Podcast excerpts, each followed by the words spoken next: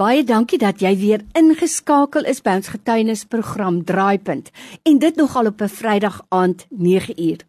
Onthou, as jy so 'n belewenis het en dit hoef nie dramaties te wees nie. Jy wil dalk net kom getuig van die goedheid van God of hoe jy die teenwoordigheid van God in jou lewe beleef het. Dan stuur jy vir my SMS na 32716. Dit kos vir jou R1 of jy stuur 'n WhatsApp na 0824104104 met die woord draaipunt. En dan maak ek kontak en ons neem ook jou getuienis op. Nou baie mense met wie ek nou praat, was al in 'n motorongeluk en kan getuig daarvan hoe traumaties dit is. Maar min mense kom vertel vir ons van 'n motorfietsongeluk wat gewoonlik baie ernstiger is, maar die trauma is net so groot of miskien selfs groter by my in die ateljee te vir Dominee Tersius Besuidenhout, geen onbekende nie, en hy het 'n jong man saamgebring, Christian van Wyk. So Christian, vir jou baie welkom Dominee Tersius, jy's altyd welkom. Dis lekker voorreg om hier te wees en veral met Christian wat ons bure se seun is en wat saam met my seuns groot geword het. Christian, jy's daai ou wat hierdie traumatiese ervaring gehad het. Wat het op daai maandagmiddag gebeur wat jy kan onthou? Ehm um, ek en my vriend het op die N1 gery op pad na Plattekloof op motorfietsse. Yes, dit was spitsverkeer. Ek het van baan verander en toe slaan 'n 'n trok my motorfiets sy handlebar. O. Oh. En toe val ek in die vinnige lyn en 'n bakkie gaan boor my. Christian, Jy vertel dit nou vir ons in 10 sekondes, maar ek dink dit moes vir jou seker gevoel het soos 10 jaar. Toe daai vragmotor jou handlebars tref. Hoe voel 'n mens? Gaan als by jou vinnig verby of stadig verby wanneer jy begin val? Ehm um, goed, dit eintlik redelik vinnig verbygegaan. Ek onthou net so vaagweg wat gebeur het. Ek onthou my vriend het sy hand op my bors gesit en dis die laaste wat ek kan onthou. Is dit nou toe jy nou daar lê nadat die bakkie bo oor jou is? So ek neem nou aan al die ander karre het nou tot stilstand gekom of hoe dit gewerk? Uh ja, sover ek kan onthou was daar 'n verkeersbeampte wat al die vinnige baan en die baan langsaan se verkeer gestop het. O. En daar was net een baan wat lopend was. Ja. Christian, ek ek kan my amper nie indink nie. Nou Dominee Tersius Dis nou yes. bure en vriende van julle se ja. seun met wie dit gebeur en daar's 'n ouer paar wat hierdie yes. oproep moet kry wat geen ouer ooit wil ja. hê nie. En daar jy begin om met hulle 'n pad te stap, vertel ons. Lorraine, yes, wat gebeur het is is Corneille se Christian se vriend wat saam was. Ehm um, wat wat mynsins is die saak baie baie mooi hanteer het uh was een wat eerste daar was uit die aard van die saak hulle het saam motorfiets gery het vir my net gesê wees uh, rustig moenie opstaan nie en Christian sy bewussyn verloor en toe begin 'n klomp genade uh punte wat ons na die tyd kon sien was genade. Die een is daar was 'n verkeersbeampte en ons eer die Here daarvoor. Die tweede ding wat gebeur het is Corneille het kop gehou en 'n pin gestuur vir Christian se ma en gesê dis waar die ongeluk gebeur het. Uh dis 'n baie baie moeilike oproep Lenet kry hierdie oproep van hierdie groot ongeluk wat haar seun in was. Uh, 'n uh, kar vertrok het oor sy bors gery en so voort. En wat in die tyd daarna gebeur het was absolute wonderwerk. Een paramediese het opgedaag en het hom gestabiliseer nadat sy mild gebars het en hy besig was om dood te bloei. Ehm um, die feit dat hy by die hospitaal gekom het was 'n mm. absolute wonderwerk. Hulle het sy mild verwyder. Sy longe was beide geskeur, sy nierfunksie, sy niere was geskeur en in die volgende 12 ure het sy hart 3 keer gaan staan. Uh dit was trauma op trauma op trauma. Die personeel by Louis Laipold het ander operasies het hulle uitgeskuif sodat hulle kon fokus op hierdie. Daar was 'n lys goed wat gebeur het. Christian se lewe is in weegskaal heeltemal en um, ek het mense gesien. So ek hulle bly net langs ons. Dis ons bure. Christian het saam met uh, my seuns groot geword, saam met hulle rugby gespeel in die skole gewees. Ja, ek het net gesien die middag hier word 'n motorfiets afgelaai en dit lyk asof die motorfiets uh, Christian geval het. Uh trauma op trauma daai nag, trauma op trauma sy ouers wat deur dit gegaan het. En die volgende oggend soos wat ons daar staan in die hospitaal en dinge regtig bleek lyk. Na wat jy vir my vertel het. Ja. Eintlik is die uitkoms en die prognose 0. Ja. Weet jy Met daai beserings. Lorraine, hulle het die volgende gesê. Hulle het gesê daar's 'n klomp asse. 1.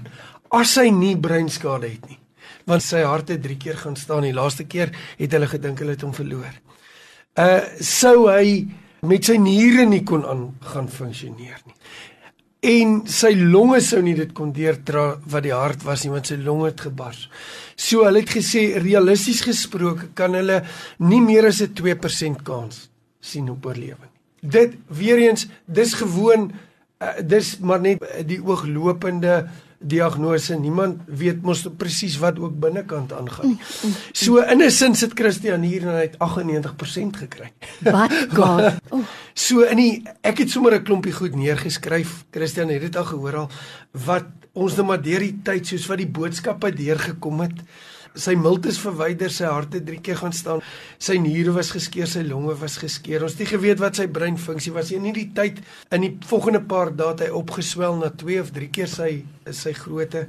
En sy ouers het in 'n tyd ingegaan wat heeltemal blur was. Nag en dag was dieselfde want hy's heeltyd by die hospitaal. In dieselfde tyd is sy broer, hulle is twee seuns, gebyt deur 'n vioolspinnekop en hy is uh ja, hy was So in die ander noodeenheid. Terwyl hulle na aan Christian hier gewerk het in die ander hospitaal. Hulle twee seuns, dit was die krisis. En hierdie tyd het dit deurgekom. Christian is baie kritiek. Die boodskappe, sy koors is oor oor 40. Hy is baie geswel. En toe die 19de, dit was die 15de November, die 19de November. Die oggend is my persoonlike ervaring.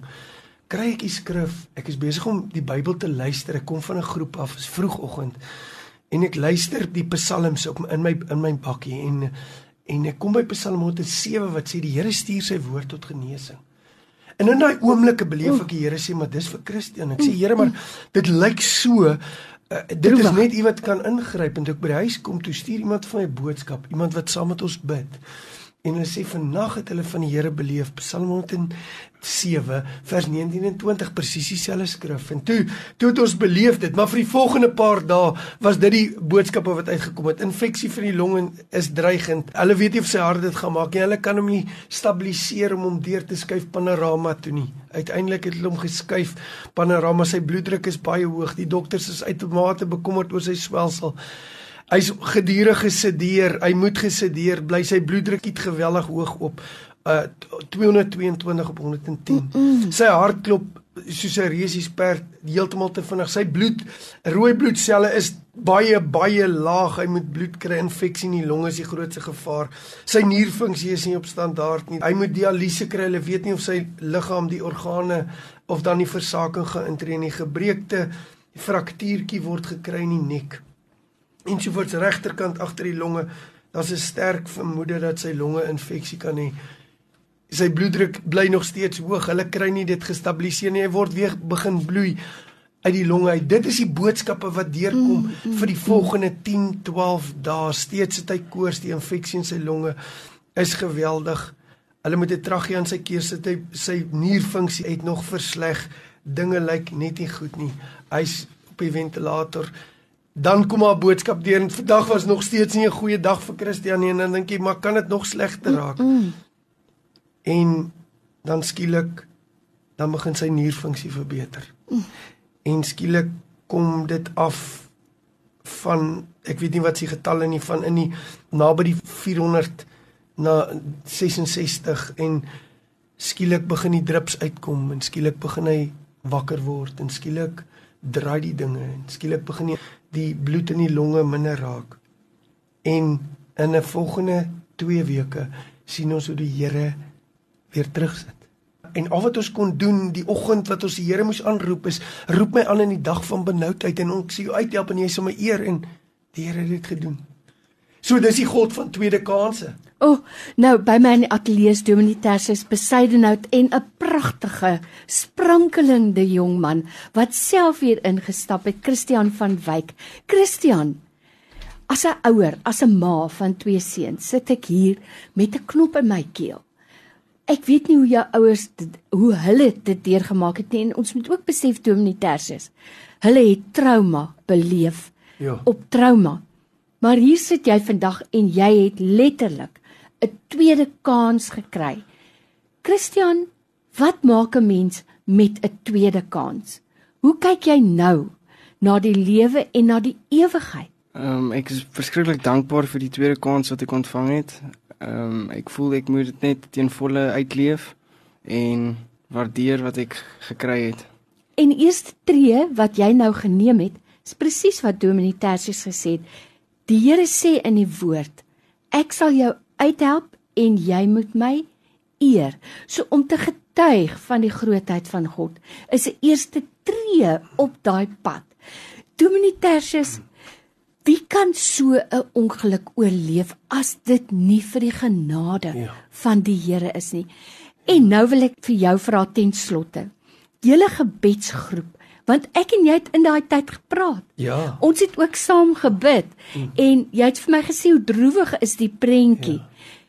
Julle moes ook 'n nuwe blik gekry het op God se genade nie waar nie. Ja. Weet jy Lorraine, daar was so baie mense wat saam gebid het. Ons was 'n groep wat saam gebid het van oral af het mense saam gebid. En ons eer die Here daarvoor. Ons het die middel Januarie het ons almal saam gekry en ons het 'n dankdiens gehou. Ag. So ons het vir die Here dankie gesê want hy want hy het gesê roep my aan in die dag van benoudheid dit was en ek sê jou uithelp en jy sal my eer. Mm. Ons het dit gedoen. Mm. Ons eer die Here daarvoor. Maar wat ons eintlik vir mense wil sê is die Here het die laaste sê. Amen. En uh, daar's miskien nou mense wat luister en hulle sit langs 'n hospitaalbed of hulle sit in 'n geweldige krisis en dan hoor die woord wat sê so 'n bekende vers roep my aan in die dag van benoudheid sê jou uithelp en jy moet my eer. En ja, en ek is opgewonde oor die Here wat met Christian in hierdie tweede kans gaan stap. En wat ek eintlik vir mense wil vra is, wat doen jy met die tweede kans wat die Here vir jou gee? Dominitasius besyd nou soos altyd my geloof weer gestig. En ek wil tog vir jou vra van my kant af en ons luisteraars want hulle is ook getroue gebedsstryders en bidders. Dra tog ons liefde en groete ook oor aan jou gebedsgroepe. Christian, jy ook aan jou ouers en ons vertrou die Here regtig dat hierdie tweede kans wat jy gekry het, dat dit 'n groot getuienis gaan wees tot sy eer nog in die tyd wat kom. Dankie vir julle tyd vandag. Ons waardeer dit. Voorreg. Dis 'n voorreg. Baie dankie Tannie.